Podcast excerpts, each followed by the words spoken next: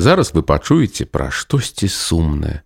Магчыма, гэты выпадак быў самым сумным з таго, што здаралася з малым. Але было ў гэтым і штосьці добрае. Звычайна кошка лавіла мышэй. Яна ўжо больш не гуляла з мышкай, калі зловіць яе, а амаль адразу ж душыла яе і з'ядала. Аднойчы малы зайшоў у хату ды сказаў: « Паслухай, мама, хадзем, кошка злавіла мышку, але яна яшчэ жывая, мышка цэлая, я хачу яе ўратаваць. На дварэ на сходах сядзела маленькая светленькая мышка на задніх лапках, злева ад кошкі. Кошка ляжала крыху ніжэй на прыступках, яна пазяхала і часала лапкай за вухам. Яна рабіла выгляд, нібы яе зусім не цікавіць мышка. Але насамрэч дакладна ведала, дзе тая знаходзілася. Глядзі, мама, сказаў малы, мышка цэлая, мы выратуем яе, Але яна можа быць параненай, сказала мама, просто мы можам не бачыць гэтага. Яна такая мілая, сказаў малы, мы можам хаця б паспрабаваць уратаваць яе. Добра, згадзілася мама, мы паспрабуем. Цудоўна, мама, узрадаваўся ён, але потым задумаўся, А як? Ты паклічаш кошку, прапанавала мама, а я тым часам пайду ў хату ды прынясу бот. Малы ўзяў доўгую галінку і паварушыў ей перад носам у кошкі. Кошка паглядзела на мышку.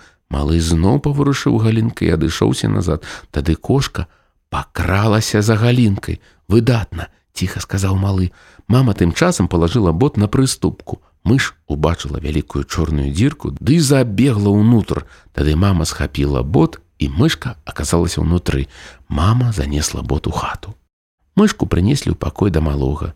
Ты можаш падтрымаць яе некалькі дзён, дазволіла мама. Тады мы паглядзім, ці спадабаецца ёй тут. У іх быў пусты непатрэбны акварыум. Там зрабілі хатку для мышкі. Яны прынеслі ў хатку непатрэбных рэчаў, якія можна было грызці. Зверху мама накрыла хатку коўдрай, каб унутры было крыху цямней ды утульней для мышкі. Малы прынёс вады і сыру, шмат сыру. Спачатку мышка сядзела ў куце ды не варушылася. Яна можа быць параненай, сказала мама, але праз хвіліну мышка пачала рухацца, а потым есці сыр. Паслухай, мама, сказаў малы, толькі уяві сабе, калі сюды раптам зойдзе кошка і зловіць мышку. Ты павінен заўсёды зачыняць дзверы, сказала мама. Увечар яны нацягнулі коўдру на ўвесь акварыум. Калі малы і мядзведзік ляжалі ў ложку, яны слухали, як корпаецца ў сваёй хатцы мышка. Яна грызла старыя рэчы ды бегала туды-сюды. На наступны дзень мышка была зусім бадзёрая. Якая яна мілая, сказаў малы. Ён сядзеў перад акварыумам. Мышцы падабаецца караскацца, сказаў ён. Глядзі, яна спрабуе залезці на галінку. Галінка зламалася. Тады малы пайшоў на двор і прынёс яшчэ, некалькі галінак. Вось мышка, можаш па іх поўзаць, сказаў малы, але мышка больш не поўзала па галінках, яна пачала іх грысці. Якая добрая мышка, сказаў малы. Мядзведзік выглядаў вельмі шчаслівым. Мядзведзік задаволены, сказаў малы, бо цяпер у нас ёсць мышка, у нас раней яе ніколі не было. Малы заўсёды пільнаваў, каб кошка не забегла за ім у пакой. Калі ён адчыняў ці зачыняў дзверы, ён нават намаляваў сабе кошку з вострымі кіпцюрамі, а мама напісала: « Не пускай мяне ў пакой. Але на трэці дзень нешта здарылася. Гэта было ўвечары, калі малы уладкоўваўся ў ложку. Мама пажадала яму дабранач і пайшла. Праз некалькі хвілін малы выбег спакоя. Мышка знікла, крычаў ён. Але яна павінна быць у пакоі, сказала мама, дзверы зачыненыя. Мышка збегла, крычаў ён: « Я дапамагу табе пашукаць, сказала мама, хадзем. Малы пайшоў наперадзе, хутка, хутка. Мама ішла за ім, ён адчыніў дзверы і зрабіў крок у пакой. Мама адразу ж убачыла маленькі ўзгорак на дыване, у якім магла схавацца мышка. Малы вось-вось паставіць сваю нагу акурат на гэты ўзгорак.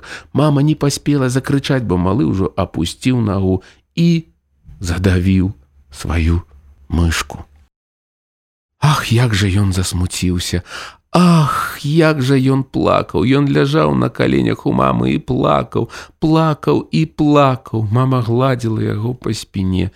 Я адчуў яе пад нагой, сказаў ён і заплакаў яшчэ мацней. Паплач, сказала мама. Яна была такая маленькая і мяккая, усхліпнуў ён. Плач, сказала мама. Я так яе любіў, сказаў ён. Я ведаю, сказала мама і выцерла слёзы з ягоных шчок. І я сам яе задавіў, сказаў малы, паплач, малы, сказала мама, трэба паплакаць. Калі ты задавіў сваю адзіную мышку, светлую, маленькую, прыгожанькую мышку, сказаў малы, і зусім не кошка з'ела яе. Як жа ён плакаў. Яны пахавалі мышку. Лета амаль скончылася, але стаяў самы прыгожы вечар, які можна толькі ўявіць сабе. Было вельмі ціха ды цёпла, свяціў месяц, спявалі птушкі, было вельмі прыгожа і вельмі сумна. Малы ўздыхаў ды шмыгаў носам. Мама звычайна не насіла яго на руках, але зараз ён абхапіў яе за плечы. Ён быў вельмі цяжкі і вельмі стомлены. Можна моцна стаміцца, калі шмат плакаць. Тата нёс мышку. Яны спыніліся каля кустоў бэзу, сарвалі вялікі лісток і палажылі мышку на яго. Малы пагладзіў мышку. Бывай, маленькая прыгожая мышка, сказаў ён і заплакаў. Тады і тата таксама крыху заплакаў. Яны загарнулі мышку ў бэзавы лісток і закапалі ў зямлю пад кустом бэзу. Потым сарвалі кветку і палажылі зверху. Месяц свяціў на маленькую магілку мышкі, спявалі птушкі. Малы мядзведзік звычайна прыдумлялі што заўгодна, калі клаліся спаць, але зараз малы быў надта засмучаны, але разам з тым і трохі задаволены, бо мама з татам таксама былі сумнымі, як і ён. Але мядзведзік разумеў малога лепш за іншых. Мядзведзік таксама сумны нават больш, чым я, сказаў малы. І ён супакойваў мядзведзіка, абняў яго і пагладзіў па спіне. Паплач, мядзведзік, калі табе сумна, сказаў ён. Вось так яны і ляжалі ў абдымку. Малы і мядзведзік.